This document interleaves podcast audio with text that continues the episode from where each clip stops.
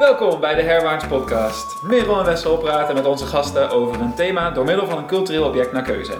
Via deze tekst, film, website, muziek of wat dan ook proberen we het thema van de aflevering beter te begrijpen vanuit onze achtergrond en de achtergrond van onze gasten.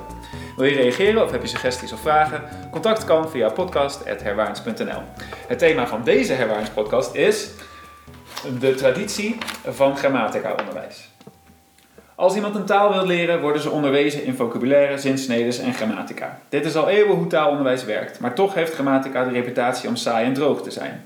Het leren van de regels van een taal is dan ook een heet hangijzer, volgens Sebastiaan Donseman in het handboek Vreemde Taaldidactiek. Is het nuttig om mensen de onderliggende structuren van taal te willen laten begrijpen als het uiteindelijk gaat om de communicatie? Met de verschuiving van taalleren via Duolingo of communiceren via Google Translate en ChatGPT is het inzicht in taalstructuur niet essentieel voor het communiceren. Op veel Europese scholen wordt ook steeds meer onderwezen en getoetst met het Europees referentiekader, dat taalvaardigheid vat in can-do statements en niet in grammaticale regels. Moet de hardnekkige traditie van grammatica-onderwijs worden verbannen naar academische taalstudies? Of kan grammatica-onderwijs blijven bijdragen aan algemeen taalonderwijs, bijvoorbeeld in een andere vorm? De gast is Martine, docent klassieke talen. Ze spreekt Latijn, Grieks, Nederlands, Persisch en Duits. Ze heeft grammatica-onderwijs bijna helemaal losgelaten in haar onderwijs. Salve omnes. Welkom. En Merel is Tank. Ja. Ja. En uh, ik wil ook even V5B noemen en dan specifiek Maureen. Dat had ze gevraagd. Ik had hen uh, gevraagd of zij dachten dat grammatica-onderwijs nog nuttig was. En uh, we gaan een paar momenten ongetwijfeld nog horen hoe ze daarover dachten. Ik ga wel parafraseren. Um, maar in ieder geval als een soort beginnetje alvast. De meesten hadden het idee dat grammatica-onderwijs nodig is en nuttig is. Vooral als je moet beginnen. Ai, ai, ai. Het perspectief ja. van de leerlingen in ieder geval. Oké, uh, en ik ga vandaag beginnen met mijn object. Uh, ik wil graag onderzoeken uh, het, het, het idee van onbewuste bekwaamheid onderzoeken via Story of Your Life van Ted Chiang. dat is een kort verhaal uit 1998 en dat is ook verfilmd in de film Arrival. Het idee van de Four Stages of Competence komt uit de jaren 60 en heeft een soort vage zwerm van auteurs. Uh, maar samen kwamen ze tot een idee dat als mensen iets willen leren, dat ze door vier fases heen gaan. Eerst ben je onbewust onbekwaam en weet je dus nog niet wat je niet kunt. Daarna word je bewust onbekwaam, heb je in de gaten wat niet lukt en dat je het wilt veranderen. Uh, daarna word je bewust bekwaam, omdat je jezelf hebt getraind om de vaardigheid uit te voeren, maar je moet je er wel op blijven concentreren. En uiteindelijk, als je dat zo geautomatiseerd hebt dat je er niet meer over hoeft na te denken, ben je onbewust bekwaam. En die fases hebben nog een, een, parallel, dat je begint met een verkeerde intuïtie. Dan begint, begint, de volgende stap is een verkeerde analyse. Daarna heb je een juiste analyse en uiteindelijk heb je een juiste intuïtie, waardoor dingen dus vanzelf gaan. Dit is een veel voorkomend concept in het onderwijs, omdat vaak het idee is dat als je bepaalde vaardigheden geautomatiseerd hebt, je uh, door kunt naar de volgende fase en zo een soort spiraal omhoog kunt gaan. Ik merk het ook heel erg met sporten of met muziek of zo, dat je pas verder kunt als een bepaald een bepaalde vaardigheid automatisch gaat. Hm. Um, grammatica-onderwijs wordt heel vaak gezien als het analysestukje van taalverwerving. Dus als je eerst uh, fouten maakt in taal, dan wordt daarna grammatica aan je uitgelegd, waardoor je dus bewust wordt van de fouten die je maakt. En dan zou je in een soort ideale situatie de grammatica kunnen gebruiken als een correcte analyse en dus als een soort um, check op je taalgebruik die grammatica kunnen toepassen. Maar de grote vraag is of dat nodig is als je een taal wil leren uh, en als je wil communiceren in die taal. Dus aan de hand van het verhaal wil ik dat even gaan bekijken. Um, het uh, verhaal van Ted Chang gaat over uh, een, een, taalkundige genaamd Louise. En zij vertelt een verhaal over dat er buitenaardse objecten in de baan rond de aarde verschijnen. En dan een aantal looking glasses op de planeet zelf. En achter die looking glasses verschijnen wezens, buitenaardse wezens. En die noemen ze heptapods, omdat ze zeven tentakels hebben. En dan elk boven die tentakels zit een oog. Uh, het Amerikaanse leger roept de taalkundige uh, daarbij omdat ze uh, willen communiceren met deze wezens. En samen met een kundige genaamd Gary willen ze graag dat ze informatie van de, de aliens leren zonder te veel prijs te geven over de mensheid zelf. Dan komt nu mijn traditionele onthullingswaarschuwing. Wat wel grappig is in dit geval, omdat dit verhaal niet lineair is. En dus mm. eigenlijk de onthulling al op het eerste punt wordt gedaan. Maar het mm. feit dat het verhaal nog niet lineair is, leer je misschien pas later. Dus nou goed, daar kunnen we tenslotte kunnen we ook nog zien of het wel nodig is om onthullingswaarschuwing te doen als eh, tijd toch niet lineair is. Maar dat eh, is een laatste punt. Dat is wel Oké, beter. niet? ehm, terwijl Louise dus gaat leren hoe het zit met de heptapod-talen, is er, komt ze erachter dat er gesproken taal is. Die noemt ze heptapod A. En eh heptapod B, dat is de geschreven taal. En die is eh, semagrafisch of logografisch. Dat betekent dat hij niet de eh, gesproken taal weergeeft, maar betekenis direct weergeeft. En ze komt ook achter dat die taal een grammatica heeft die ze tweedimensionaal noemt. Wat betekent dat die niet in één bepaalde richting gelezen wordt, maar over het hele vlak. Zij werken met schermen. In de film is het een soort inktwolkcirkel. Ehm, eh, die is in elke richting te lezen. En eh, het werkt dan zo dat er wel bepaalde woorden in zitten, maar als je een hele zin maakt, dan zitten al die woorden en tekens aan elkaar vast in verschillende richtingen en omgekeerd. En soms zitten er extra streepjes bij, waardoor je dus het niet uitmaakt waar je begint. Eh, de woordvolgorde in de gesproken heptapod is ook totaal willekeurig. En dus kun je eigenlijk waar dan ook beginnen op de pagina bijvoorbeeld en zo tot de Is het ook ergens op gebaseerd? Op een, op een levende taal? Eh, Ik denk niet op een levende taal, want het, eh, het idee is dat de heptapod dus ehm, eh, van tevoren eigenlijk al moet weten waar het, de zin gaat eindigen. Eh, om, omdat er dus al streepjes in het eerste stukje van het geschrevene zitten die verwijzen naar iets wat hij misschien pas aan het einde schrijft. En omdat je dus de zin zowel van de ene kant naar de andere kant kunt lezen. Ehm, Hmm. En als jij vraagt, is dat gebaseerd op een echte taal? Dan eh, zou dat bij mensen dus niet kunnen. Wij hebben de zogenaamde Garden Path Theory. Dat je begint met een bepaalde frase en dan bouw je daar zeg maar, steeds grammatica aan vast. Ehm, maar in eh, de film in- blijkt dat... Ja. Maar in poëzie kan dat, dus, moet dat in heel veel talen al wel. Moet je ook al het einde van de zin hebben, wil je daar naartoe kunnen bouwen. Mhm. Ehm, bijvoorbeeld met rijmschema's of met eh, talen waarin het, ja, de werkwoord aan de Ja, achterkant staat. dat klopt. Dus, dan is het zeg maar, geconstrueerd op een manier die al helemaal rond is, bij wijze van Dus, dus de spreken. manier van, van formele taal wel, maar van gesproken taal normaal Juist. gesproken niet. Ja, want zij zouden dus zeggen, eh, ook geïmproviseerde taal is al helemaal compleet vanaf het begin. Ehm, En eh, dit sluit aan bij een soort doorbraak die Louise dan heeft, dat de heptapods tijd niet zien als kausaal en, en sequentieel, maar alomvattend. Ehm, dit wordt duidelijk omdat de natuurkundigen eindelijk een doorbraak hebben doordat ze de, het principe van Fermat laten zien. En dat is dat licht breekt op een bepaalde hoek als het in het water komt. Eh, en Gary, de natuurkundige, legt dan uit aan Louise dat eh, het best wel heel complex mathematisch is. En daarom hadden ze helemaal niet verwacht dat dat hun eerste communicatie zou zijn. Ze waren met veel simpelere dingen begonnen.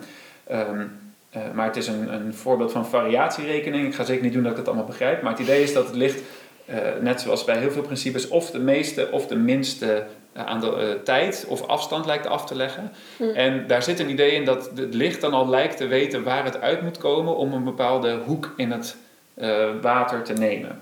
En daardoor concludeert Louise dus, dit is precies wat de heptapods ook doen als ze schrijven. Mhm. En daarom maakt de volgorde ook niet uit als ze spreken. Ze weten al wat ze allemaal gaan zeggen. Ehm, dit is eh, een enorme doorbraak voor haar natuurlijk. En omdat zij heptapod aan het leren is, ehm, eh, gaat zij ook steeds meer op die manier denken. Eh, ik ga nu even een citaat voorlezen. I practiced heptapod B at every opportunity, both with the other linguists and by myself. The novelty of reading a semi-sociographic language made it compelling in a way that heptapod A wasn't. And my improvement in writing excited me. Over time, the sentences I wrote grew shapelier, more cohesive. I had reached the point where it worked better when I didn't think about it too much. Instead of carefully trying to design a sentence before writing, I could simply begin putting down strokes immediately. My initial strokes almost always turned out to be compatible with an elegant rendition of what I was trying to say.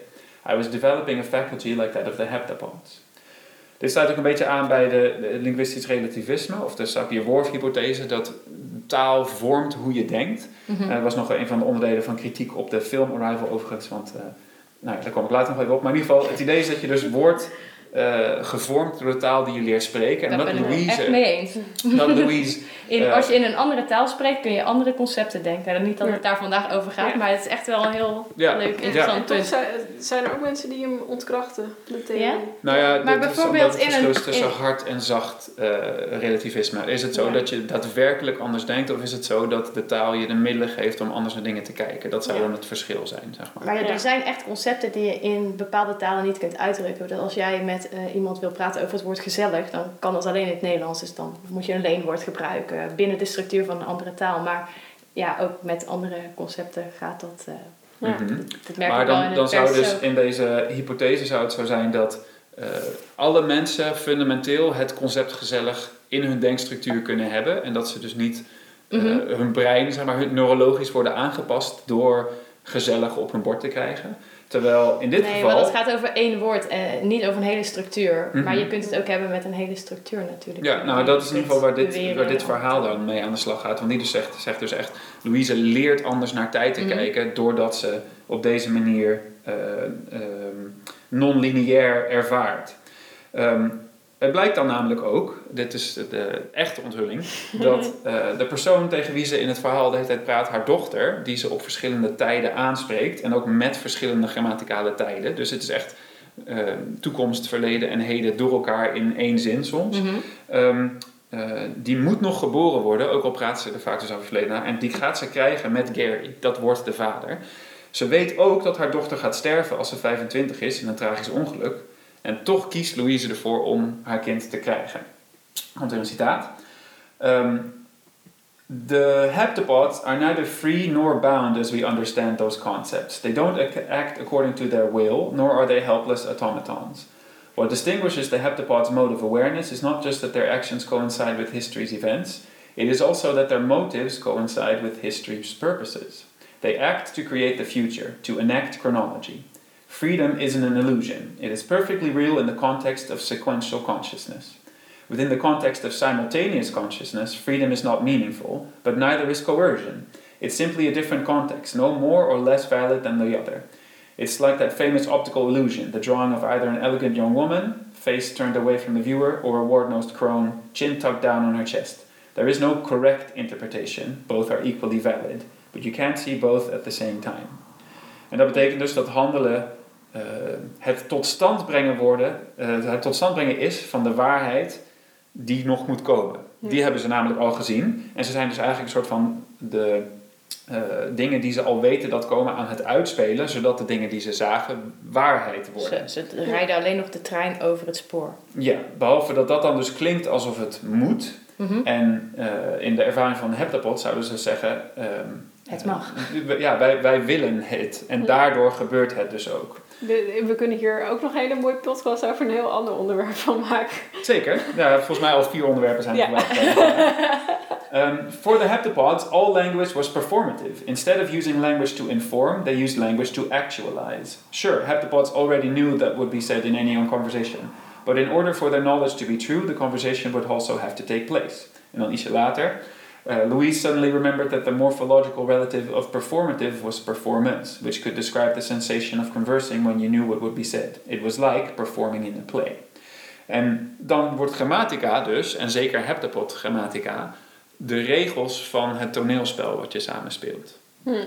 En eigenlijk dus, om dit allemaal een soort van samen te eh, vatten, krijg je in Story of Your Life een spel met grammatica en menselijke spelregels van tijd. Ehm, en dat laat dus vooral zien wat de onderliggende structuren en aannames zijn van hoe mensen denken. Het leger, verpersoonlijkt door kolonel Weber, kijkt naar de heptapods als een soort supermenselijke tegenstanders.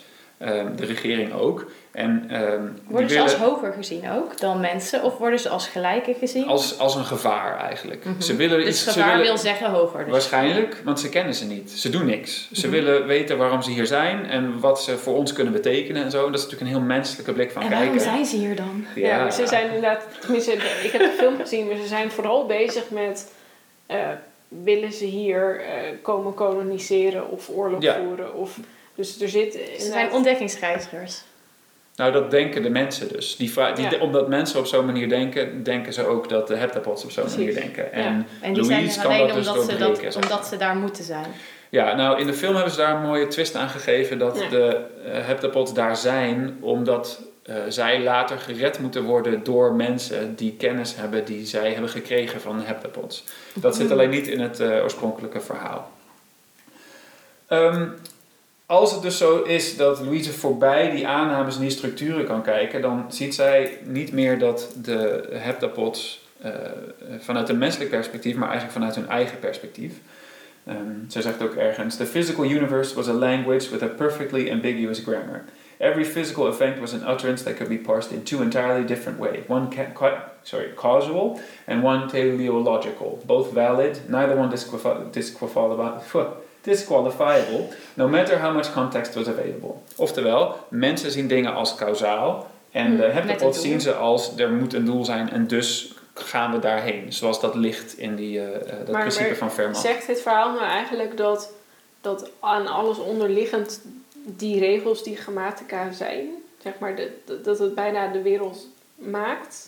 Ehm, nou ja, het, het verhaal stelt eigenlijk voor dat waarschijnlijk zijn er nog meer manieren om ernaar te kijken. Ja, precies. Mensen kijken op een bepaalde manier, heptapods kijken op een andere manier. Die zijn alle twee gewoon van toepassing op de werkelijkheid. Ja. Ehm, en daarmee word je dus als lezer, want natuurlijk bijna alle mensen hebben een taal geleerd en kennen Ja. deze ervaring van ik zie nu ineens hoe Fransen de wereld zien of hoe Japanners de wereld zien, omdat ik iets van een inzicht in hun taal krijg. Maar daaronder ligt natuurlijk het hele menselijke spectrum aan talen. En daarom wilde ik het hier graag over hebben, omdat ik denk dat grammatica in ons onderwijs heel erg verbonden is aan we gaan nu de taal performen. Mm. Ik leer jou de present perfect, dan Mm. doe jij de present perfect, dan heb jij de present perfect gedaan en dan heb je het dus goed gedaan En volgens de regels het- van de taal. Het, toneelstukje Present Perfect hebben we nu afgesloten. Ja. Ja, nu gaan we een, per- nu gaan we een toneelstukje opvoeren met... eh, Past Perfect. Ja, Ja, bijvoorbeeld. Ja. En grappig genoeg zit daar dus een soort idee in van dat je dus al weet wat er gaat komen. Net als in van die taaluitwisselingen waarbij je alle twee een blaadje met zinnetjes krijgt. Eh, bij Taalplaza Mhm. bijvoorbeeld is dat vaak een ding. Dat je dan dus moet vragen om eh, informatie wat, eh, hoe lang je in het hotel kan blijven. En dan weet je niet precies wat er komt, maar je weet wel ongeveer wat er komt. Ja. Eh, waardoor je dus eigenlijk een soort in die heptapod fase zit. Maar omdat je bewust de regels van de grammatica moet toepassen, zit je dus in dat bewust bekwame stukje waarbij je eigenlijk een soort van aan het naspelen bent. Hm.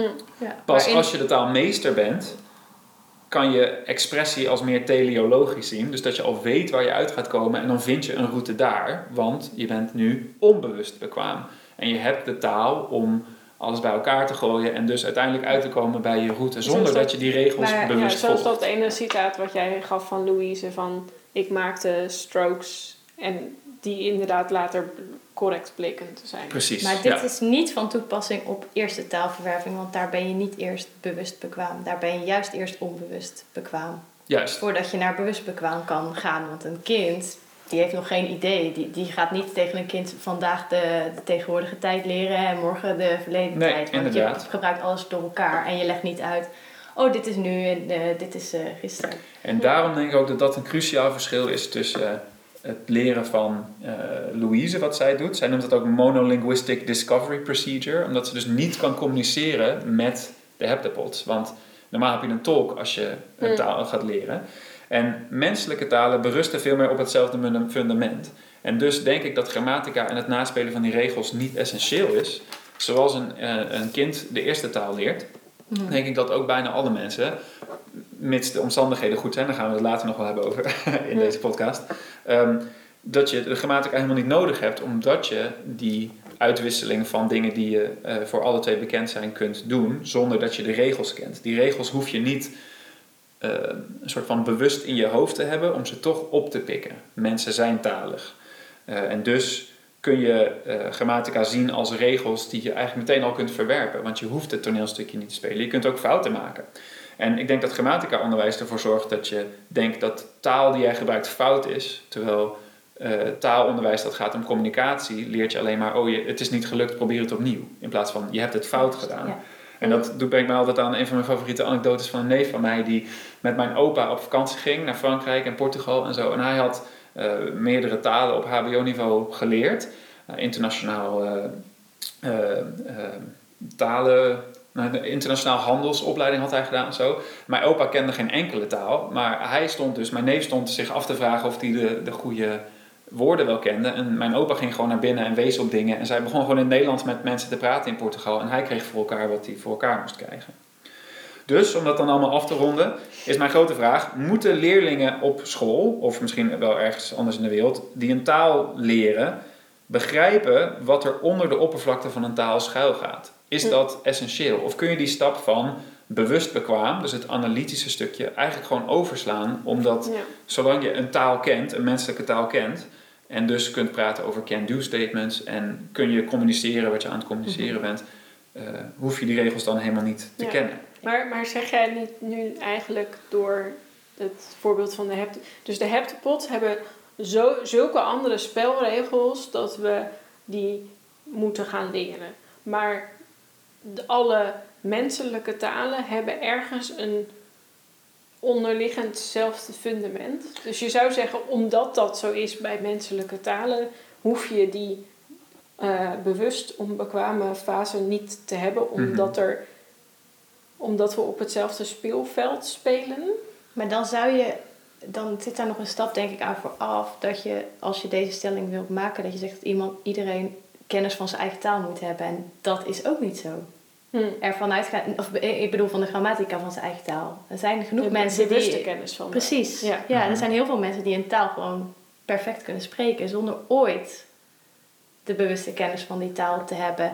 Ehm, en dan is, ja, mijn stelling is dat ze die kennis ook niet nodig hebben om een tweede taal te verwerven. Ja. En ik weet niet waar jij daarin staat. Ja, ik denk dat ook. Je hoeft zowel je eigen de grammatica van je moedertaal of vadertaal of welke taal dan ook niet te kennen, als die van je nieuwe doeltaal. Mhm. Ehm, en misschien is het niet zozeer zo dat het gaat om de, het fundament van de taal. Hoewel Mhm. Noam Chomsky had ooit zo'n theorie over universal grammar, waar Ja. ook weer allemaal kritiek op is geweest. Dat er Ja. bepaalde kaders zijn waarin grammatica altijd valt. Ik denk dat daarvoor nog het veel meer gaat over gedeelde menselijke ervaring. De En natuurlijk wordt die uitgebreid door nieuwe taal, nieuwe concepten. Maar als je ervan uitgaat, in tegenstelling tot kolonel Weber, dat ik, ik kom een mens tegen, wij willen met elkaar communiceren, dus we vinden wel een manier, dan eh, kun je taal leren. Dat is denk ik een van de voorwaarden om taalonderwijs te laten werken. Terwijl als je ervan uitgaat, ik moet het wel goed doen en ik moet de regels volgen, dan heb je de tekst Mhm. of de taal zo geabstraheerd dat je juist niet communiceert en juist fouten gaat maken. En daarom is het zo kwalijk, denk ik, dat scholen concentreren op grammatica, of vooral concentreerden, denk ik, maar op grammatica onderwijs, omdat je kunt zeggen dat is goed, dat is fout, jij bent goed in Engels, want je haalde een 9 op je zo. Ja. Dat is natuurlijk veel makkelijker meetbaar dan het lukt jou om te communiceren in een, een serie heel uiteenlopende contexten, omdat je in staat bent om met verschillende soorten mensen eh, uit te wisselen of zo. Dat, dat zijn heel verschillende manieren van kijken naar wat is het dan om een taal te leren. Kunnen die heptapods kunnen die dingen aanwijzen en dan, en dan communiceren of zeggen of opschrijven wat zij zien? Dus zeg maar met een gewoon wijzen en Ja. dan eh, hallo dit is een Ja, tafel en eh, dit is een boek. Dat is hoe ze beginnen inderdaad. Ja, en dat precies. is dus Ze toch al wijzen een naar zichzelf, toch? eh, ja, het is eigenlijk Louise die wijst naar zichzelf en Ja. naar de ander en dan doen ze dat na. Aha. En dat is als we dan toch hebben over de gemeenschappelijke ja. dingen. Ja, dat, dat kunnen zij dus ook. Dit is het meest efficiënte begin van alle taalonderwijs. Op dingen wijzen en zeggen wat het is. Ja. En daar dan langzaamaan een verhaaltje over gaan maken. Ja. Maar daar kom Ja. ik zo nog wel op. Ja. nou ja, het is interessant dus dat als ze dat niet zouden kunnen, deze aliens, los van het feit dat ze tijd dus anders zien, Mhm. als ze dat niet zouden kunnen, dan zou het misschien nog veel ingewikkelder Ja. worden Ja. om daadwerkelijk die brug Ja. te slaan naar een andere taal. Ja, we hebben net heel even kort naar dat eh Aleph, Aleph with Bed gekeken. En eh, daar, dat was ook het eerste wat daar gebeurt. Hè. Zij wijst op een mannetje en ze zegt eh, dat het een ish is. Een mannetje, Ja. een man. En daarna op een vrouw en dan dat het isha is. Dat is echt een heel efficiënt begin van, eh, van Ja. taalonderwijs. Ja. Ja. Nou ja, en dan eh, als mijn vraag dus is, hebben we die grammatica nodig? Niet voor communicatie. Je zou natuurlijk nog wel kunnen zeggen, het is op zich interessant om te leren hoe talen werken. Mhm. Hm. Maar dan is het een grote, dat zullen wij natuurlijk als taaldocenten dan allemaal vinden. Maar dan is de grote vraag of dat belangrijk is in taalonderwijs. Of dat dat specifiek is voor een academische studie. Ja, dat het eigenlijk Ja. twee aparte takken van Ja. sport zijn eigenlijk. En, want Ja. zelfs als je dat zou doen, dan zou ik ook heel anders grammatica onderwijs moeten geven in een les. Dan zou ik niet meer zeggen, dit is de past perfect, gebruik die zo in deze context. Maar dan zou je gaan, we gaan nu proberen te onderzoeken of er regels zijn die bepalen hoe je op een bepaald moment tekst, de taal gebruikt. Dat is een heel andere manier van grammatica onderwijs. Dan ben je namelijk aan het, ja, eh, wetenschappelijk aan het onderzoeken in plaats Ja. van. Aan het taal leren. Mhm. Ja, ik zou eh, als eerste zou ik zeggen, nee, dat is al dat is veel ve- verder. Dat kan je Ja. als taalkundige doen op de universiteit. Maar Ja. dat heb je als, als leerling niet nodig. Want als leerling is inderdaad het, het primary goal is gewoon communicatie. Ja, En wij moeten Engels leren op school, omdat je Engels nodig hebt als lingua franca. ja, Mhm. Eh, zeg Ja. maar, dat soort dingen. ja. Ja. Oké, nou goed. Als dat Hmm. onze huidige stelling is, dan kunnen we misschien naar wat objecten gaan kijken die jullie hebben bedacht om te kijken of Ja. hoe dat dan werkt en of dat dan werkt. Eh, dus Merel, ga je gang. Eh, ja, ik zit heel even te denken of eh, begin ik met mijn object of begin ik met. ehm, ik begin even met zeggen dat ik vrij recentelijk, ongeveer anderhalf jaar geleden, heel veel heb geleerd over taalverwerving tijdens mijn opleiding als docent Engels. Eh, en ik zat me terug te bedenken, wat heb ik eigenlijk, wat weet ik hier nog van? Wat heb ik nog, wat is blijven hangen, zeg maar. En dat, het verschil tussen inderdaad eerste taalverwerving en tweede taalverwerving vind ik interessant. Want als jong kind, als jij je eerste taal leert, als wij, wij hebben Nederlands geleerd, dat doe je inderdaad zonder bewuste grammatica onderwijs. Het, het is het enige voorbeeld dat ik mezelf zat te bedenken van wat nog zou kunnen, is dat als een kind zegt eh, papa speel bal, dat je dan nou, niet eens gecorrigeerd wordt, maar dat is oh papa speelt met de bal. Dat je het nog een keertje herhaalt. Precies, dat je het Ja. herhaalt met de juiste Ja. grammatica. Ehm, en zo ehm, pakt een kind taal op als eerste taalverwerking. Maar op school, eh, tweede taalverwerking, ga je inderdaad meteen naar de, de focus op grammatica. ehm, simpele regels naar complexe regels, vocab, eh, rijtjes, woordjes stampen. Ehm, en een van de dingen waar we het hebben gehad, over hebben gehad in de studie is over een immersion. Dus dat ehm, kan je uitleggen als van je gaat in het buitenland wonen en daar spreken ze een vreemde taal. En je wordt helemaal ondergedompeld in die taal. En het idee is dan, ja, dan moet je hem op een gegeven moment wel gaan leren. Nou, we hebben, ik denk dat we allemaal hebben gezien, voorbeelden gezien van mensen die dat niet leren. Ehm, ehm, eh, bekende klacht, mensen die uit het buitenland komen, hier komen wonen en dan ja, maar ze kunnen nog steeds geen Nederland, Nederlands. Eh, dus immersion werkt ergens niet. Nou, grammatica en vocab hebben wij dus ook onze, of woordjes leren hebben we dus ook onze twijfels over. Ehm, dus met deze achtergrond wilde ik beginnen aan mijn object. Eh, en ik heb eh, de serie Outlander gekozen van Diana Gabaldon. Dat is een heerlijke romantische pulpserie met lekker dikke boeken van 1400 pagina's. Ehm, waarin de hoofdpersoon is een vrouw uit de 20e eeuw die eh, op een of andere manier terechtkomt in de 18e eeuw. Zij is een Engelse en ze komt terecht in het Schotland van de 18e eeuw. Eh, en daar was het nog sterker dan nu eh, Schots versus Engels. Dus de Engelsen waren de slechterikken. Ehm, en nou ja, zij komt daar terecht. Ze komt natuurlijk een, een ontzettend knappe, eh, gallant Schot tegen. En daar trouwt ze mee. En nou, et cetera, romantische En verhaalstructuur. deze man spreekt vloeiend Engels. Eh, deze man die spreekt Schots-Engels eh, en eh, Gaelic. Dus eh, in het Scho- Schotland van de 18e eeuw spreken ze gewoon nog Gaelic. En op een gegeven moment aan het einde van de serie zijn ze in Amerika, maar de community is nog steeds Gaelic. Dus het zijn allemaal Schotten die geëmigreerd zijn. Dus Gaelic is een van de talen die daar wordt gesproken. Maar Claire, zo heet ze, leert eigenlijk nooit echt Gaelic. En ik vroeg me op een gegeven moment af, waarom is dit zo? Eh, en het is natuurlijk allereerst denk ik een metafoor voor het feit dat zij een 20e eeuwse vrouw is. Dus oké, ze woont in 18e eeuw Schotland en later Amerika. Maar ze hoort daar eigenlijk nooit echt thuis. Dus de moedertaal van haar man, zeg maar, leren. Dat gebeurt eigenlijk nooit echt, want dat is denk ik een metafoor. In dat opzicht is het heel interessant dat hun dochter wel Gaelic leert op een gegeven moment. Ehm, dus ik zat me een beetje van, oké, met de kennis die ik heb gehad uit mijn studie, kan ik nou verklaren waarom Claire geen Gaelic leert? Ehm, en toen dacht ik, nou, ze wordt nooit echt onderwezen in het Gaelic. Het is een bilingual, een tweetalige omgeving. Dus ze switchen automatisch naar het Engels als ze met Claire willen praten. Dus ze krijgt waarschijnlijk te weinig input. Maar er zijn momenten waarop ze wel lekker Gaelic met, met z'n allen aan het praten zijn. En dan zou ik zeggen, dan gaat het Claire eigenlijk gewoon boven haar hoofd. Het is te moeilijk voor Claire te begrijpen wat er gebeurt. Eh, en toen moest ik denken aan Ehm, een van de dingen die we hebben geleerd tijdens de studie is I plus 1. Eh, namelijk, eh, je, je verwelft taal door eh, hetgeen wat je al kent. En dan moet het net één stapje moeilijker zijn dan wat je al kent. En als het twee of drie stapjes moeilijker is, dan lukt het dus niet.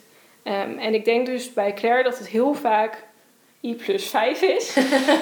Ehm, En, dat niemand ooit naar die I is gegaan. Precies, niemand is nooit naar de I gegaan bij haar, want dan switchen ze over naar het Engels. Eh, want dat is een taal die ze allemaal spreken. Ehm, behalve dan misschien dat ze wat Godse frasen hebben. Maar wat ik eigenlijk later nog besefte is, ik als lezer van deze boeken heb wel een beetje Gaelic geleerd. Eh, en dat is een heel specifiek Gaelic, want eh, het Gaelic wat in de boeken wordt gebruikt is eh, romantisch. Dus Claire wordt Sassenach genoemd door Jamie, de, haar man. Dat betekent Outlander is eigenlijk een beetje een scheldwoord voor Engelsman. Maar dat wordt hier natuurlijk helemaal omgegooid naar een koosnaampje. Ehm, nou ja, dus ik heb een, een, een, ik heb een kleine woordenschat aan Gaelic opgedaan door het lezen van deze boeken. Zonder me bewust bezig te houden met het verwerven van Gaelic. Want ik weet nu bijvoorbeeld dat, eh, ik ga het verkeerd uitspreken, dat og, og betekent klein en moor betekent groot. Eh, want je hebt een Ian og en een Ian moor, namelijk vader en zoon. Hm. Ehm, dus als lezer van Outlander is het wel I plus 1. maar Claire in de boeken zelf ehm, komt dus niet tot het spreken van Gaelic, omdat de complexiteit van het Gaelic te moeilijk is. Maar ze gaat natuurlijk op een gegeven moment wel sommige woordjes begrijpen, maar daar blijft het bij. Dus ik, en ehm, wat ook interessant is, er wordt nooit over grammatica, want ze wordt niet onderwezen. En mag ik weer dezelfde vraag stellen? Wordt eh, Claire, wordt er, ik weet niet hoe de man heet, Jamie. wijst Jamie op dingen en zegt boek, tafel, Ehm, lamp? Nee, maar ik denk dat ze wel af en toe is het wel duidelijk waar ze, over het, he- waar ze het over hebben. En dan, maar dat, het, het is dus allemaal niet bewust. Maar dan is het alweer een niveau te moeilijk waarschijnlijk. Ja. Dus zeg maar echt het aller, allerbasis, wanneer er nog geen sprake is van überhaupt een i, wordt niet gelegd. Nee, wat, wat, wat ik nu zit, wat ze wel doen, en dat doet zowel de schrijver van het boek als Jamie naar Claire, is bijvoorbeeld, eh, ik ga het weer verkeerd uitspreken, Monian Dan. Dat is een van de koosnaampjes die hij haar noemt. Dan wordt dan een keer uitgelegd, dat betekent my brown-haired lass. En dat gaat hij helemaal uitgebreid in het Engels toelichten. Ja, met heel precies. veel Engels Dus- en heel weinig Schots. Dan, dan doet hij, geeft hij eigenlijk een vertaling. En er zitten Mhm. ook grotere stukken Gaelic bij waarin het een gedicht is of een prayer. Vooral in, wanneer ze in Amerika zijn, gaan ze vaak nog terug naar de, de Gaelic eh, prayers van vroeger. En die worden dan ook weer vertaald in het boek. En eh, al die woorden die daar worden genoemd in die prayers, die weet ik niet. En Want- die verwerf je als lezer ja, niet. want dan ga ik naar de vertaling. Want Daar dat- ga ik eh, straks nog op in, eh, waarom jij die als lezer niet verwerft. Dus, want dan gaat het me duizelen en dan is er te veel Gaelic. Ehm, maar ja, wat dus interessant is in die boeken is dat... Ah, er wordt nooit onderwezen. Er wordt zeker niet iets verteld over grammatica. Claire leert nooit Gaelic, behalve enige begrip van de makkelijke dingen. Ze zegt ook op een gegeven moment, dan is Jamie boos of zo op iets. Ja, ga maar lekker schelden in het Gaelic, want dan versta ik toch de helft niet. De helft niet, dus dan is er al een helft. Het is er toch Dus, nog, ja, dan is er toch sprake van een i. Ja, dus, dus ze, ze heeft wel iets opgedaan, maar gewoon, het komt nooit helemaal. En, maar uh, jij als lezer komt wel tot enige ehm, verwerving. Dus ja, ik zat heel erg van, waarom, waarom is dit nou zo? Wat is er... ehm, welke taalkundige theorie kunnen we hierop loslaten eh, om dit te verklaren? En Martina zit al helemaal te gniffelen. Ja, want ik heb hier al ik iets... sta hier, eh, ik sta hier helemaal Ja. in de startblokken om hier Nou, antwoord op te geven. kom maar Merel. ja, oh, d- dat wil zeggen dat ik dan aan de beurt ben. Ehm, dan denk ik dat ik eerst even iets ga vertellen over die taaltheorie. ehm, waar we eigenlijk precies gebleven zijn bij, bij Merel. En daarna ga ik mijn object pas introduceren. Is dat denk ik eh goed, handig? hè? Ja. Ja, ehm, de theorieën die ik de afgelopen jaren ben gaan volgen, die vinden hun oorsprong bij eh, Stephen Krashen in de jaren 70. En ehm, naast dat dat een, eh, een zeer eh, erudiet en briljant geleerde is, gelooft hij ook nog dat al zijn kennis gratis en niet achter een paywall voor iedereen ehm, ter beschikking moet worden gesteld. Dus ehm, tot op de dag van vandaag zijn al zijn artikelen op zijn eigen website eh, gratis te lezen. En hij vindt een, eh, een heleboel navolging. Hij is inmiddels met emeritaat in bijvoorbeeld ehm, Bill van Patten. Ehm, en ja, wat hij eigenlijk schrijft is echt vooral voor moderne taal heel erg interessant. Maar ja, ik kom dus vanuit de klassieke talen en ik, ja, ik zal straks ook een beetje mijn weg daar naartoe misschien ook nog een beetje toelichten. Ehm, wat Krashen dus zegt, is eh, dat je inderdaad begint met input en zeker niet met output. Want ehm, een nieuwe taal leren, ik kan wel tegen jullie in het eh, Latijn of in het Farsi, in het, in het Persisch eh, zeggen, harf bezaan. Tja, harf nemizani. maar dan word je alleen maar bang. Wat, wat gebeurt er? Je hebt geen idee. Ik, ik vraag je om iets te zeggen. Waarom zeg je niks? Ja, dat kan niet, want ik heb je nooit iets verteld wat je überhaupt kunt gaan zeggen. Dus alles begint eerst met input. En niet zomaar input heeft um, Krashen onderzocht, maar het gaat over comprehensible input. Dus dat is die uh, I, ik heb hem volgens mij ergens anders als N Ja. uh, we gehoord, maar maakt verder niet uit. uh, N van niveau, maar de I zal wel van input zijn dan. I guess, Of yes. informatie op niveau, ja, dus net iets moeilijker dan wat een leerling al beheerst, want dan kan die iets nieuws gaan verwerven. Um, en daarnaast, waarom werkt het soms wel en soms niet? De input moet voor een leerling ook compelling zijn. Oftewel interessant. Nou ja, dat zal voor die Claire wel zijn geweest dat het heel interessant is. Maar ik denk dat het niveau, inderdaad, waarop er in dat Gaelic is gesproken, dat dat eigenlijk uh, te moeilijk is. En dat is Ja. waarom sommige mensen ook helemaal gefrustreerd van die immersion terugkomen. Van ja, maar ik spreek nog steeds geen Frans, ik ben in Frankrijk geweest. Ja. Nee, ik zit net, net te denken, ook over de heptapod. Dus die I plus 1, dat artikel wat jij me had opgestuurd van Krashen, uh, Fundamentals of Language Education. Um, er staat, we kunnen die plus 1 doen omdat we de context hebben Mm -hmm. uh, om te begrijpen wat die plus 1 moet zijn. Mm -hmm. Dus we, Als we, professionals. Ja, we, we, we, gebruiken onze kennis van de wereld en de situatie om te snappen wat het nieuwe woord, ik zeg maar Mhm. wat, moet zijn. Maar dat is bij de heptapods dus niet het geval, omdat die uit een compleet andere wereld komen. En bij Claire eigenlijk ook niet, want zij komt uit 20e eeuwse Engeland. Maar die tafel is gewoon een tafel. En de ik is gewoon een ik. En dat is ook Maar zo is- bij de zou Ook of jij een ik, eh, want een ik-beleving is bij Ja. ons en in Azië is dat ook iets anders. Maar ik snapt iedereen. En je kunt op jezelf wijzen en dan Ja. gaat het over Ja, jezelf. Nou, ik denk wel dat daar in ieder geval de letterkundige verklaring zit. Dat bij eh, Outlander de, het punt vooral is, zij kan het niet begrijpen. In plaats van, Hm.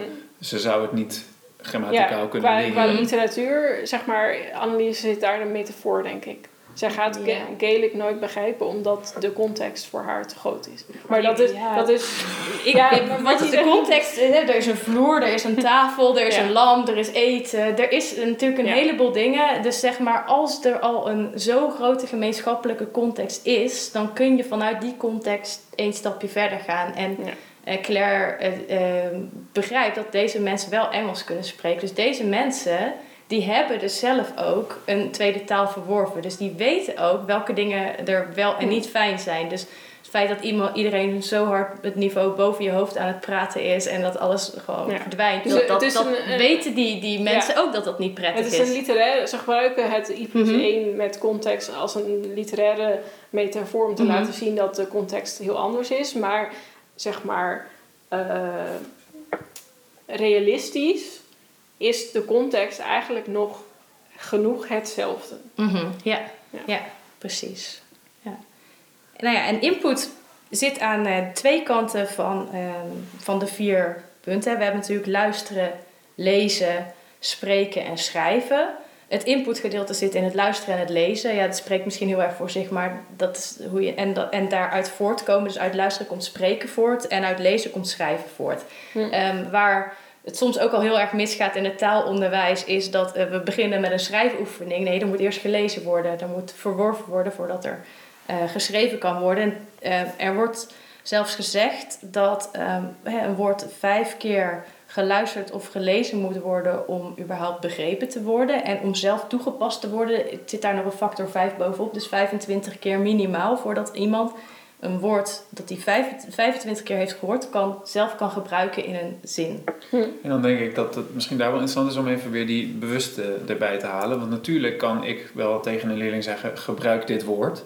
En dan kunnen ze het ook na één keer wel gebruiken. Maar mhm. dat is dan, dan moet je het dus- opzoeken. Ja, maar nou ja, bijvoorbeeld als ik nu tegen jou zeg: Dit is het woord wat ik wil dat je zegt. En jij zegt wat? Dit woord. En je zegt dat woord. Dan, is, dan kun je het soort van bewust wel inzetten. Van ik moet nu dit woord doen. Maar dan is het dus niet verworven. Nee, precies. En dan heb je het misschien dus vijf keer, 25 keer moeten horen. En dan komt het in je op dat je dat woord kan gebruiken. Dat je hem onbewust, zeg onbewust en, en dat je hem dus ook buiten de context zou kunnen uh, plaatsen. Maar het opzoeken van een woord en, uh, en dat gebruiken, um, dat heeft te maken, dan ga ik even een stukje verderop in mijn, uh, in mijn verhaal, dat heeft te maken met wat Stephen Krashen de monitor noemt. En dat wil zeggen dat je soms wel een goede grammaticale of um, um, vocabulaire beslissing kunt nemen, maar dat je dat heel bewust moet doen. Dus dat je als je erover na gaat denken, dat je dat dan wel kunt opschrijven. Van, oh ja, oh hier even een stukje terug in mijn, uh, in mijn brief die ik voor Engels aan het schrijven was. Uh, daar heb ik net het verkeerde woord geschreven, maar ik ga het nu doorkrassen en ik ga daar een ander woord neerzetten. Dat is de monitor. Die kun je niet aanzetten op het moment dat je midden in een gesprek bent. Precies. Ja. Want daardoor ben je nog uh, ja, qua tijd nog niet zo ver. Um, die verwerving van taal, en dat is dus niet hetzelfde als een taal leren. Dus er wordt onderscheid gemaakt tussen een taal verwerven en een taal leren. Verwerven is een, is een, een proces waar je unaware mee bezig bent. Dus dat je niet bewust doet. Dus dat die, die onbewuste, dat onbewuste proces, daar wordt het bewuste proces overgeslagen. En um, volgens mij was het de klassicus Roberto Carfani. Die noemde die, dit proces van taalverwerving, die vergeleek dat met plassen. Die zei, als je water drinkt moet je op een gegeven moment plassen. Dus als je input van taal dringt, als je verhalen leest en je begrijpt het, dan moet je op een gegeven moment, ga je zelf praten of ga je zelf schrijven. Als je iets hoort, ga je, ga je spreken. Als je iets leest, ga je schrijven. Hm. En dat is net als plassen. Je weet niet wanneer het komt, je weet niet hoeveel er komt, eh, maar het komt op een gegeven moment. En als leraar kun je niet bepalen, nu komt het. Je kunt niet tegen je leerling zeggen, en nu plassen. Want dat werkt niet zo. Het komt er gewoon op een gegeven moment uit. En, wanneer... toch is dat wat we doen. En toch is dat wat we doen, hè? want ze moeten op die, die en die dag moeten ze door dat hoepeltje springen en moeten ze die toets maken. Ja. En uh, ja, dat, dat is toch uh, heel anders. Het, proces tussen dat je al wel begrijpt wat er gebeurt trouwens. Dat je wel een woord kunt lezen of als je het luistert dat je het begrijpt. Uh, maar nog niet kunt uitspreken of dat je het nog niet kunt schrijven. Dat je het zelf nog niet kunt gebruiken. Dus dat verschil tussen dat vijf keer horen en 25 keer horen.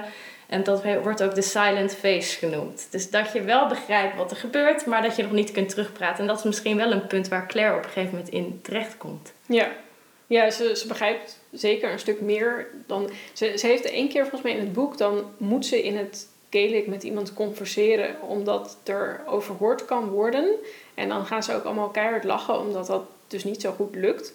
Uh, niet grammaticaal correct uh, eruit komt waarschijnlijk. Ja, ik, ik weet niet, want het wordt namelijk niet uh, in het boek laten ze niet zien wat ze doet. Het wordt dan weer vertaald in het Engels, omdat, zodat wij meekrijgen mee wat, ze, wat er gebeurt. Maar er wordt dus wel verteld ja, dat haar, haar Gaelic uh, spreken is een soort van non-existent. Maar ze begrijpt inderdaad een stuk meer. Tot op een bepaald punt. Hm. Ja. ja. En is zij ook bang voor die taal? Oeh. Vindt ze het eng om Gaelic te moeten praten of om te luisteren of om te leren?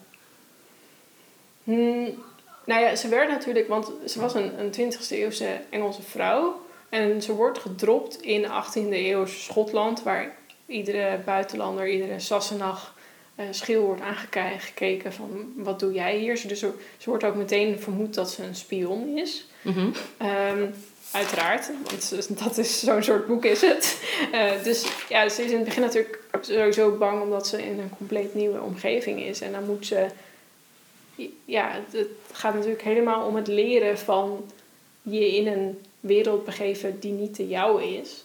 Dus ja, hm, het wordt nooit echt zo genoemd, maar Wat wel een grappig verschil is dan tussen eh, Outlander en eh, Story of Your Life, is dat het beide verhalen zijn waarin een taalbarrière moet worden overbrugd. Ja. Ehm, maar ehm, de heptapods willen graag praten en Ja. Louise wil graag leren. En het punt lijkt juist te zijn dat hoe ver je ook bij elkaar vandaan zit als je samen gaat kijken en samen Mhm. gaat leren, kom je er wel.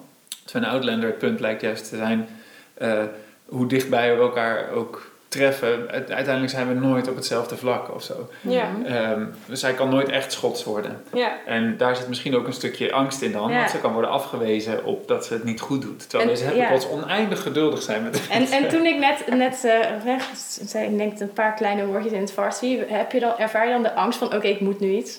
ja. Nee, toen jij dat, want jij hebt het een keer gedaan eh, op school eh, ehm, als voorbeeldje. En toen zat ik wel echt van, oh my god, wat is dit? Ik versnap dit niet. Ik wil het sowieso, ik bedoel Ja. natuurlijk, ik, ik vind taal leuk. Dus ik wil meteen weten wat je dan wel zegt, wat je dan niet zegt tegen mij, wat je hebt gezegd. En dat is Mhm. super irritant. eh, want dan word ik, heb ik het gevoel dat ik meteen 10-0 achter sta. zeg Ja, maar. ja, dat wordt dus door Stephen Krashen het affectieve filter genoemd.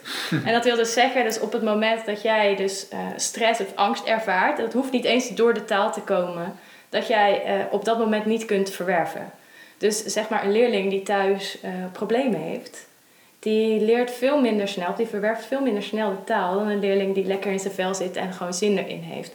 En een leraar kan dat echt op dag één eh, al ehm, kapot maken. Dat. Of gewoon meteen al problemen veroorzaken in dat affectieve filter. Door direct output van een leerling te verwachten terwijl er nog geen input in zit. En dus zeg maar als een leerling moet zichzelf voorstellen in een taal die niet beheerst. Nou, je kunt daarmee een leerling voor eh, nou ja, zes jaar lang de verpest hebben voor je les. En dat, dat heb je dan zelf gedaan door die leerling eh, onder druk te zetten en daar die angst Ja. te veroorzaken. Dus dat is ook nog een reden waarom eh, Claire die taal zo langzaam verwerft. Hm. Ehm, ze heeft waarschijnlijk ook geen boekjes of geschriften op kinderniveau. Nee. Nee, dat zat ik ook te denken. Want alle Gaelic die wordt ehm, gebruikt, is gesproken. Volgens Mhm. mij is er geen enkele geschreven Gaelic überhaupt. En, en in de 18e eeuw dat wordt er ergens ook een punt van gemaakt als eh, ze kleinkinderen hebben. Dit zijn allemaal geen spoilers, want nou ja, Mhm. je weet toch hoe het verhaal gaat eindigen. Maar ehm, ehm, dat, er wordt er een punt van gemaakt dat eh, ze dan boekjes uit het, eh, kinderboekjes uit de 20e eeuw hebben Mhm. meegenomen. En dat dat een nieuw concept is. Ah, oké. Eh, ja. Want dat bestond niet in de 18e eeuw. Of dat daadwerkelijk zo is, weet ik niet. Hè. Dit Het is... zou best kunnen hoor, want, Ja. het is, want ehm, voor Latijn bestaat dat dus ook niet. En Mhm. Er zijn wel voor eh, volwassen beginners zijn er wel dingen, eh, maar ehm, ja, het is echt een enorme nieuwe stroming, Ja. om, dat noemen ze bij ons dan de novella's, om echt boekjes op niveau eh 0 en niveau 1 te maken voor kinderen met plaatjes. Ja. En eh, ja, zo, dat is trouwens wel de, de manier hoe ik Persisch heb geleerd. Eh, ik heb hier ook een boek bij me over de verhalen van eh, Hassani, Gesaye Hassani. Ehm, en dat is eigenlijk de, mijn belangrijkste bron waarmee ik Persisch heb geleerd. Ehm, Hm. Omdat alle ehm, lesboeken, wat mij betreft als, als expert, niet, niet toereikend waren. En ik heb dus Persisch geleerd met een basisschoollerares die geen Engels kon. En Hm. dus elke keer als er iets uitgelegd moest worden, moest dat in simpeler Persisch en nog simpeler Persisch en nog simpeler Persisch, net zolang totdat ik het begreep. En dan schreef ik er zelf wel eens een woordbetekenis bij. Hm. Uh, Merel denkt dat dat niet mag van mij. Woordbetekenissen bij, Nee. bij boeken schrijven. Eh, maar dat eh, heb ik zelf dus ook gedaan. eh, Ik zie het. Ja, je ziet het hè. En dingen onderstreept en zo. En eh, ehm, ja, klinkers aangevuld waar dat niet het geval was. Dat is ook heel erg leuk voor Persisch. Er is trouwens ook een verschil, net als bij die, eh die heptapods. Er is ook een verschil tussen gesproken en geschreven Persisch. Dat zit Ja. deels in de klanken. Ehm, en wat je ziet bij veel ehm, studenten van het Persisch... is dat zij heel erg formeel de taal hebben geleerd. En helemaal niet de spreektaal. Ehm, omdat zij dus heel erg uit een boekje hebben geleerd. En met bandjes waarin ze dus heel erg die formele geschreven taal gebruiken. Terwijl ik heb het vanuit spreken geleerd. Vanuit ja, onderdompeling. Maar dan op met niveau van, juist niveau van input. Hm. Ehm, en daardoor spreek ik dus niet heel erg formeel. Maar gewoon zoals de mensen zelf ook praten. Hm. Ehm, nou ja, we hadden het, dus- ik zei het net over die kinderboekjes. Ehm, ja, dat, er is ook een, eh, een deel van de theorie van Krashen waarin hij zegt dat er een heel belangrijke uh, rol is weggelegd voor het vrijwillig lezen. Zonder dat er opdrachten en boekverslagen aan vastzitten. Want boekverslagen, major mood killer, uh, affectief filter gaat helemaal naar beneden. Als ik een boek uit heb en ik moet er een verslag over schrijven, dan wil ik het boek niet uitlezen. Uh, zeg ik terwijl ik 50 boeken per jaar lees. Behalve op, in het jaar dat ik uh, um, voor Nederlands en voor Engels en voor Duits en voor Frans allemaal boeken moest lezen. Ik heb nog nooit zo weinig gelezen. Mag ik, mag ik hier dan inhaken ja? om te vertellen over onze wijziging in het programma van 4 VWO? Want dat vind, vind ik wel leuk om te vertellen. Uh, ik heb dit jaar 4 VWO uh, lesgeven en ik moet zeggen, ik vond het zelf ook heel saai. Want we gebruiken op dit moment um, het, een van de meest gebruikte Engelse taalverwervingswerkboeken is Stepping Stones. Um, is het taalverwerving of taal leren? Taal, ja, taal leren, heel goed. Ja. en de, de, Stepping Stones is inderdaad opgebouwd in uh, verschillende grammatica-onderdelen. Dus uh, we zijn dit jaar begonnen met de present simple en alle andere present tenses. Um, en we zijn geëindigd met de passive, wat notoir moeilijk is voor leerlingen om te leren. Um, en dus het hele jaar is opgebouwd in grammatica-stukjes. Um, en wat ik uh, nog het mooiste vind van Stepping Stones is dat ze dan hebben gekozen voor uh, een taal leren in grammatica onderdelen en dan um, niet de moeite hebben genomen om daar genoeg input voor te geven. Mm -hmm. uh, dus ze hebben letterlijk één opdrachtje en that's it. Um, maar nou ja, ik vind het saai, maar het is ook heel duidelijk aan mijn leerlingen te zien het is sowieso, het is niet eens nieuwe informatie, uh, informatie nieuwe, geen nieuwe grammatica wordt er geleerd dit jaar. Terwijl grammatica het grootste onderdeel is van het lesprogramma. Op het, en je ziet aan de leerlingen dat ze afhaken, want het is gewoon niet boeiend. Hetzelfde niet compelling. Ja, precies. Hetzelfde met de literatuur. Literatuur is natuurlijk altijd wel, oh, literatuur is stom inderdaad en dan moet je een boekverslag doen. Dus wat wij hebben besloten voor volgend jaar is dat we Stepping Stones het raam uitgooien. Um, en uh, dat wij uh, voor de leeskilometers, de leeskilometers is een bekend taalkundig, wat is het taalverwervingsconcept is. Mm -hmm. Je moet gewoon heel veel kilometers lezen. Um, en om dat te stimuleren mogen leerlingen volgend jaar zoveel le lezen als ze willen. En mm -hmm. uh, whatever ze willen. Dus, en daar gaan ze echt veel meer woordjes van leren ja. dan gewoon of verwerven dan dat ze gewoon woordjes gaan stampen. En ik als docent word er ook een stuk gelukkiger van. Ja. Je moet zelf ook het goede voorbeeld geven. Als zij aan die boekjes aan het lezen zijn, moet je zelf ook lezen. Ja. Het werkt, schijnt heel goed te werken. Kijk, ik ben dan ondertussen nog steeds aan het kijken of mijn leerlingen braaf aan het lezen zijn en leerlingen terecht aan het wijzen. Maar de hele houding is, ik mag niet achter de computer iets anders zitten ja. te doen. Maar dan moeten ze dus wel, want ik heb dat dus dit jaar met vijf HAVO geprobeerd. Dat ik zei, oké, okay, ik ga ook een boek lezen en jullie lezen ook een boek.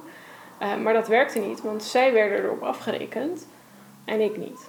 Maar er moet niemand op afgerekend worden. Precies. Lezen is leuk. De boodschap is, maar, lezen is leuk. Ja, maar we hebben een, een eindexamen doel en dat is literatuur. En daar moeten ze dan dus dingen voor Dat is een van de dingen... Laat dat los. Ja. Maak dat een apart onderdeel, het eindexamen onderdeel. En dat ja. die hoepeltjes waar die leerlingen doorheen moeten springen. En, en een apart onderdeel gewoon leesplezier. En exact. dat is, dat, dat is dat gewoon is een superbelangrijk onderdeel. Gewoon minstens 10 minuten per week, per lesweek, moeten gewoon gelezen worden. En daar in die 10 minuten leren ze meer.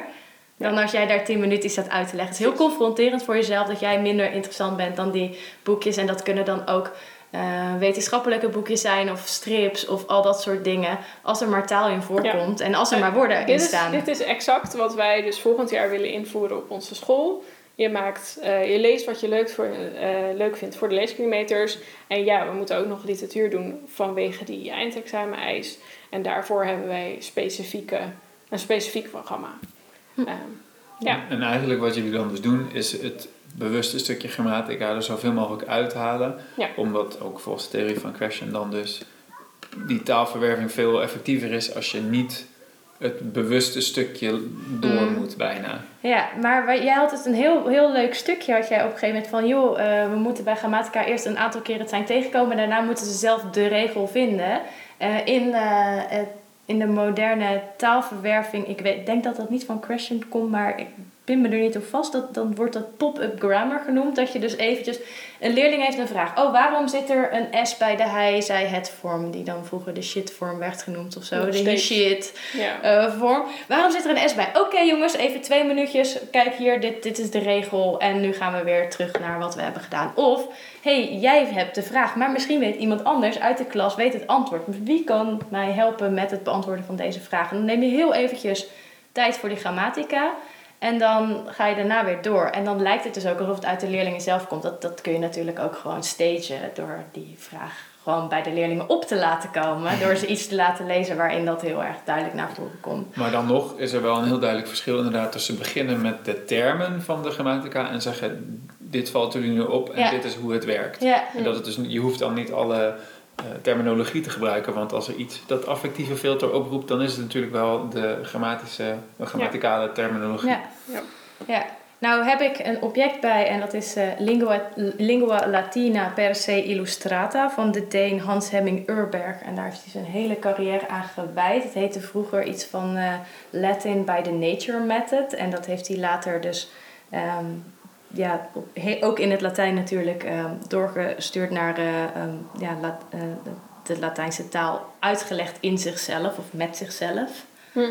En eh, dat is een, een boek wat ook helemaal vanuit het Latijn zelf staat. Er staat geen, geen letter in een andere taal in. Ehm, mm, en dat is dus ja, wat door de meeste mensen van de aanhangers van de theorie van Krashen eh, wordt gebruikt. Maar dat is niet perfect. Dat is niet een boek dat eh, hiervoor gemaakt is. Ehm, want als ik naar de hoofdstukken kijk, we hadden het net over, ja, elk hoofdstuk heeft een bepaalde grammatica en een bepaalde regel en dit gaat over die Mm. tijd. Dat heeft dit boek ook nog. Het begint gewoon met eh, alle naamvallen eh, in de eerste hoofdstukken van de verschillende declinaties, zoals dat heet. Ehm, dan gaat het eh, naar de verschillende werkwoordstijden en het eindigt met de moeilijkere dingen zoals de conjunctivus. Ja, als ik dat met het Persisch zo had moeten aanleren, dan had ik pas iets kunnen willen. Of eh, bij het werkwoord willen heb je een conjunctivus nodig. Of een, een, een, een als-dan constructie, daar heb je twee conjunctieven bij nodig. Ja, dat schiet niet op, want een beginner wil ook iets kunnen zeggen eh, wat hij wil hebben, wat hij wil doen. Ja. En, eh, maar ja, dus, dus dit in het Latijn is ook niet perfect. Overigens zit er ook te veel vocabulaire per hoofdstuk, waardoor het nog steeds lastig is om die op een natuurlijke manier te verwerven. Heb je nog steeds extra materialen nodig. Maar dit is voor Latijn het beste wat er is. Hè. Het land der blinden is één oog koning. Nou Mm. wil ik niet, zeker niet zeggen dat Urberg eh, één oog is, want hij heeft hier zijn hele carrière aan gewerkt. Ehm, maar hij heeft nooit die theorie gekend toen hij in de jaren 50 is begonnen met het schrijven van dit boek. Hm. Nou, ja, het is in ieder geval wel interessant dat we dan, als we nu zo door een aantal voorbeelden heen zijn gelopen, dat wij in ieder geval alle drie overtuigd lijken te zijn van het feit dat die bewuste grammaticale kennis van ehm, dit is de regel niet nodig is voor taalonderwijs. En dat wij alle drie eigenlijk zeggen, natuurlijk is het handig als je die regels leert kennen, maar je hoeft ze niet bewust te leren kennen. Ehm, sterker nog, als je ze bewust leert kennen, kan dat in de weg gaan zitten van een, een soort vrije taaluitingen. Omdat je Mhm. het idee hebt dat je het fout doet, of omdat je de, ehm, de, de regels eh, de hele tijd aan het monitoren bent, waardoor je eigenlijk niet aan het uiten bent, maar aan het ehm, ja, performen of zo. Ja, Ehm, en dat de eh, voorbeelden die we daarvan hebben, eh, van aliens tot aan tijdreizende Engelse dames, tot gewoon de boeken die we op, op school nu gebruiken, lopen. ja. En dat het uiteindelijk dus een soort een raadsel wordt bijna, waarom dan grammatica toch nog steeds Ja. zoveel onderwezen wordt. Ja, ik denk dat de taalkundigen vinden het zelf gewoon heel erg leuk. En die vergelijken talen met elkaar op basis van de grammatica. Terwijl natuurlijk eigenlijk wat is het onderscheiden is natuurlijk eh, de woordenschat. Hmm. Eh, hoe Hmm. kun je iets zeggen om in de dagelijkse communicatie is denk ik woordenschat denk ik het allerbelangrijkste. Hè? En dat doe je niet op, door een woordenlijst uit je hoofd te leren, maar dat doe je door veel in context te lezen en daar uit de context woordjes te verwerven. Ja. Ik heb mijn, mijn Latijn en Grieks gewoon op de universiteit en op de middelbare school ehm, met grammatica en vertalen ehm, gedaan. En eh, ja, altijd mezelf afgevraagd, ik heb dit nu al zoveel jaar gestudeerd, waarom kan ik nou nog steeds geen Latijn spreken? Ja, omdat niemand tegen mij in het baby-Latijn heeft gesproken. Hm. Hm. En eh, daarin herken ik mezelf als een soort Claire. En ehm, ik heb natuurlijk op mezelf geëxperimenteerd toen ik vanuit eh, toen ik het Persisch heb geleerd. Overigens net als eh, Claire, eh, omdat mijn echtgenoot Iraans is en, en dus Persisch spreekt. Dus ik heb wel zijn moedertaal geleerd. Overigens ben ik daar ook vaak uitgemaakt voor Khariji, oftewel voor buitenlander of voor spion. Oh, oké. Dus ik vond dat een hele herkenbare context. Ehm, maar ik heb daar dus nooit woordjes geleerd, woordjes gestampt. En mijn En- woordenschat is groter dan Ja. mijn actieve woordenschat Latijn, hoewel mijn passieve eh, Latijnse woordenschat natuurlijk En, en toch is. is dat, zeg maar, er ligt hier een hele stapel eh, boeken hoe leer je een taal, namelijk Oud-Iers en eh, Oud-Engels en eh Sanskriet. eh, wat ik op de universiteit heb geleerd. En die beginnen allemaal met dit is de grammatica. Oh ja, oké, ik heb ze geleerd bij een taalkundige studie. Ik merk Mhm. dat thuis ook als ik dat Latijns boek probeer te leren. Is, ik ga, mijn taalkundebrein gaat aan en ik ga... Oh, is dit dan een nominatief? Is dat, oh, is dat een genitief? Oh, oké, dus de genitief werkt zo. Oké. Dus ik, ik zet meteen mijn taalkundebrein aan als ik Mhm. begin met taal. Ja. Bij Engels en bij andere vreemde talen, mo- moderne vreemde talen in het onderwijs beginnen we ook nog steeds met grammatica. Ehm, we hebben nu op de school waar ik werk gezegd: oké, in de onderbouw heb je alle grammatica gehad, dus in de bovenbouw gaan we eh, lezen, schrijven, eh, luisteren, spreken. En inderdaad gewoon heel veel input geven. Ehm, maar het zit er dus nog steeds in, dat grammatica-onderwijs. Ja. En wat ik me ook afvroeg toen ik ehm, hiermee bezig was, van nou oké, maar stel dat dus, nou grammatica-onderwijs hebben we volgens mij bepaald, dat werkt niet. Je moet heel veel input geven, dat moet compelling input zijn. Ehm, dan zie ik meteen als docent dat ik denk, oké, eh, je moet I plus 1 aanbieden voor 30 leerlingen. Dat betekent dat elke 30 is. ja, iedere leerling heeft een andere i waar die op dat moment zit. Ehm, en het moet compelling zijn. Dat betekent dus dat je ook voor elke leerling iets anders moet kiezen. Dus eh, differentiatie wordt een heel groot ding. Ik, Maar ik denk, ik denk juist... Oh, sorry. Ik ga het- eh, en eh, we zitten in een toetscultuur. Mhm. Hoe ga jij zorgen? We willen dat eh, leerlingen een, tot een bepaald niveau komen. Zeg dat eh, HAVO moet volgens mij tot B2 komen. Eh, VWO tot C1. Ehm, Dat zijn dus die Europese Ja, niveaus voor de luisteraar. ja, Ik wil daar wel antwoord op geven hoe ik dat doe. Maar Hoe, hoe doe je dat? Zeg maar, er zit een soort van inherent flaw, ik begin nu meteen in het Engels, in, in ja, tweede taalverwerving Ja. laten. Ja. is het niet zo dat juist omdat het zo moeilijk is, mensen teruggrijpen op een systeem waarvan Ja. ze denken dit is hoe het hoort of hoe het werkt? Want dan hoef je dus niet bezig te houden met al die verschillende niveaus, want ze moeten gewoon deze regel kennen. Het is heel erg, komt natuurlijk uit dat, dat, dat onderwijs op zijn beta's moet. Van er moet een absoluut goed en fout zijn. Maar ik wil wel illustreren hoe ik dat doe en ook hoe anderen er tegenaan kijken. Nou, er zijn Amerikaanse eh, klassici, zoals bijvoorbeeld Keith eh, Toda. Die zegt gewoon, je moet de, de, de I moet je van de laagste leerlingen in de klas pakken. En hoe maak je het compelling? Door leerlingen zelf eh, een tekst op te laten lezen. Dus je begint met een heel simpele tekst op het niveau van de, aller, van van de laagste leerling. En dat kun je dus doen door gewoon een tekst te pakken die de leerling met het laagste niveau heeft geschreven. Dit heb ik zelf nooit toegepast, maar dit is een heel interessant punt wat hij eh, gebruikt. En dan door andere leerlingen laat je die tekst eh, dat- in een gesproken vorm, laat je die opleuken. Dus door zeg maar. eh, he kicks the ball. Nou ja, wanneer, waar, hoe, eh, hoe ver. Ehm, dus Hmm. door dat allemaal eraan toe te voegen op het tempo dat die leerling die dat zelf heeft geschreven het ook nog kan volgen. Dus dan breid je die tekst dus langzaam uit, geef je meer kleur. Ehm, hoe ik dat doe met toetsen, dat is een heel ander verhaal. Nou toets ik altijd, ehm, ik, ik toets heel weinig, dat, dat weet jij. Ik Ja. toets het liefst zo min mogelijk. Ehm, ik toets het liefst zo weinig dat als een leerling het hele jaar ziek is geweest, dat ik aan het einde nog steeds genoeg cijfers kan eh, ja, maken met die leerling op, op zijn niveau. En ik toets meestal als ik twee of drie hoofdstukken af heb. Ehm, en dan wacht ik een hele tijd. Dus ik heb dat hoofdstuk afgerond, of die twee of die drie hoofdstukken afgerond. Vervolgens ben ik al één of twee hoofdstukken verder. En dan toets ik hem. Zodat de leerling die langzamer is, dat ook heeft bijgehaald. Ik toets bijna nooit over grammatica.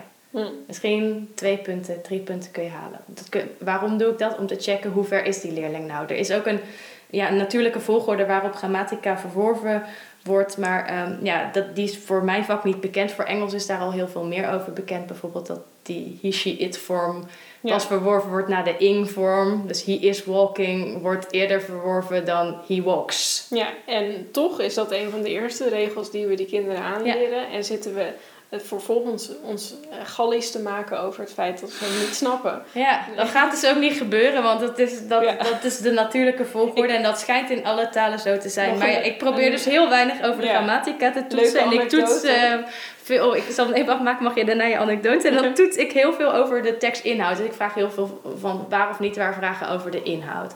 Of eh, verbeter deze, dit, dit citaat dat het over de tekst gaat. Van, oh, was het eh, een bal of was het eh, een speer? Hm. Ehm, ik toets heel veel over, nou vertel eens dit stukje na wat er in deze alinea is gebeurd. Ehm, of hoe voelt hij zich? Of waarom voelt hij zich zo in deze tekst? Beschrijf dat, zodat je een leerling ook de kans geeft om dat op zijn eigen manier uit de tekst te halen. En ook misschien andere details eruit te halen, omdat je op het eerste gezicht zelf eh, eruit haalt. En als ik iets over grammatica vraag, dan vraag ik vaak, nou, mocht hij een stukje tekst lezen, flinke alinea, en dan stel ik de vraag, nou, haal er eens drie verleden tijden uit. Hm. Nou ja, dan hoeft hij ze niet allemaal te zien, maar dan moet hij er gewoon een paar kunnen herkennen Hm. op die manier. Hm. Ik ben dit even aan het verwerken. ja, de, de, de anekdote was, dat, dat is een van de weinige dingen die ik nog herinner van mijn eigen Engels van school, is dat ik denk op een gegeven moment in de vierde of vijfde klas hebben wij een leer, of heeft een van de leerlingen de leraar de klas weten uit te krijgen. Ongeveer omdat hij dus nog steeds de shitregel niet kende. En toen werd die docent zo boos dat hij echt met de deur is gaan slaan. Maar, en dat vonden wij natuurlijk altijd super grappig, want oh, hij heeft hem zo ver gekregen, want hij weet nog steeds de shitregel niet. Maar ja, het question verklaart dit dus van ja, dat is gewoon een regel die je heel laat leert. En dat zie je ook nog bij leerlingen. Bij leerlingen in de vierde en vijfde klas gaat het nog. Ik, ik doe het zelfs nog wel eens fout, vooral met schrijven. Ja. Ik bedoel, dan monitor ik mezelf dus. En dan zeg ik, oh wacht, het gaat fout. Maar Ja, Ja, terwijl eh, de kern van de communicatie wellicht al lang duidelijk was. ja. het is juist iets wat heel weinig de communicatie in de weg zit. Ja. Want iedereen snapt, he walk, iedereen snapt het. Niemand heeft daar een probleem mee. Niemand denkt, oh, oh, wat is hij nou aan het doen? oh, oh, oh, ging, ben ik nou aan het lopen? Nee, alleen, iedereen weet wie er aan het lopen is. Dus het, het zit heel weinig, het zit heel weinig de communicatie in de weg. Ja. En er zijn ook gewoon universitair geschoolde, ehm, ehm, misschien zijn ze zelf wel een professor, die dus, omdat het hun tweede taal is, die de shitregel nog niet hebben verworven. Het is echt een shitregel. Nou, misschien is dat wel een mooie samenvatting dan van het, het geheel. Dat grammatica eigenlijk een, een reeks shitregels is. die, we, die we misschien net zo goed eh, naast ons neer kunnen leggen als het ons gaat om de communicatie. En die we natuurlijk nog wel kunnen gebruiken om andere talen en daarmee andere perspectieven beter te begrijpen. Maar dat we dat moeten bewaren, eigenlijk moeten reserveren voor de mensen die zich daar academisch mee bezig willen houden. Hm. Ehm, en daar kunnen leerlingen misschien wel aan ruiken af en toe, maar laat het vooral niet hetgene zijn wat ze moeten leren als ze een taal proberen te leren. Ja, Hm. prachtig. Nou, Ja. mooi. Ja. Dan, eh, dan hebben we bij deze dus grammatica Consensus! afgeschaft. Ja. en eh, gaan we dat mooi niet meer doen. Ja, ik denk dat ik met mijn 4 VWO een ehm, ritueel ga doen. Dat we de laatste les stepping stones gaan verbranden. Oeh. Ja, ik mag, dacht net mag al, eh, vast niet, maar... ik dacht net al eh, defenestreren, dat is een mooi woord. om- Ja, en dat kan, want we hebben een sloot achter arm, armenzwanen. Nee, kan ook niet. We kunnen het in het gas gooien. Dat wordt toch niet gebruikt. Oké, nou hoe dan ook. Eh, bedankt voor het luisteren weer. Bedankt dat je er was. En eh, tot de volgende aflevering. Doei.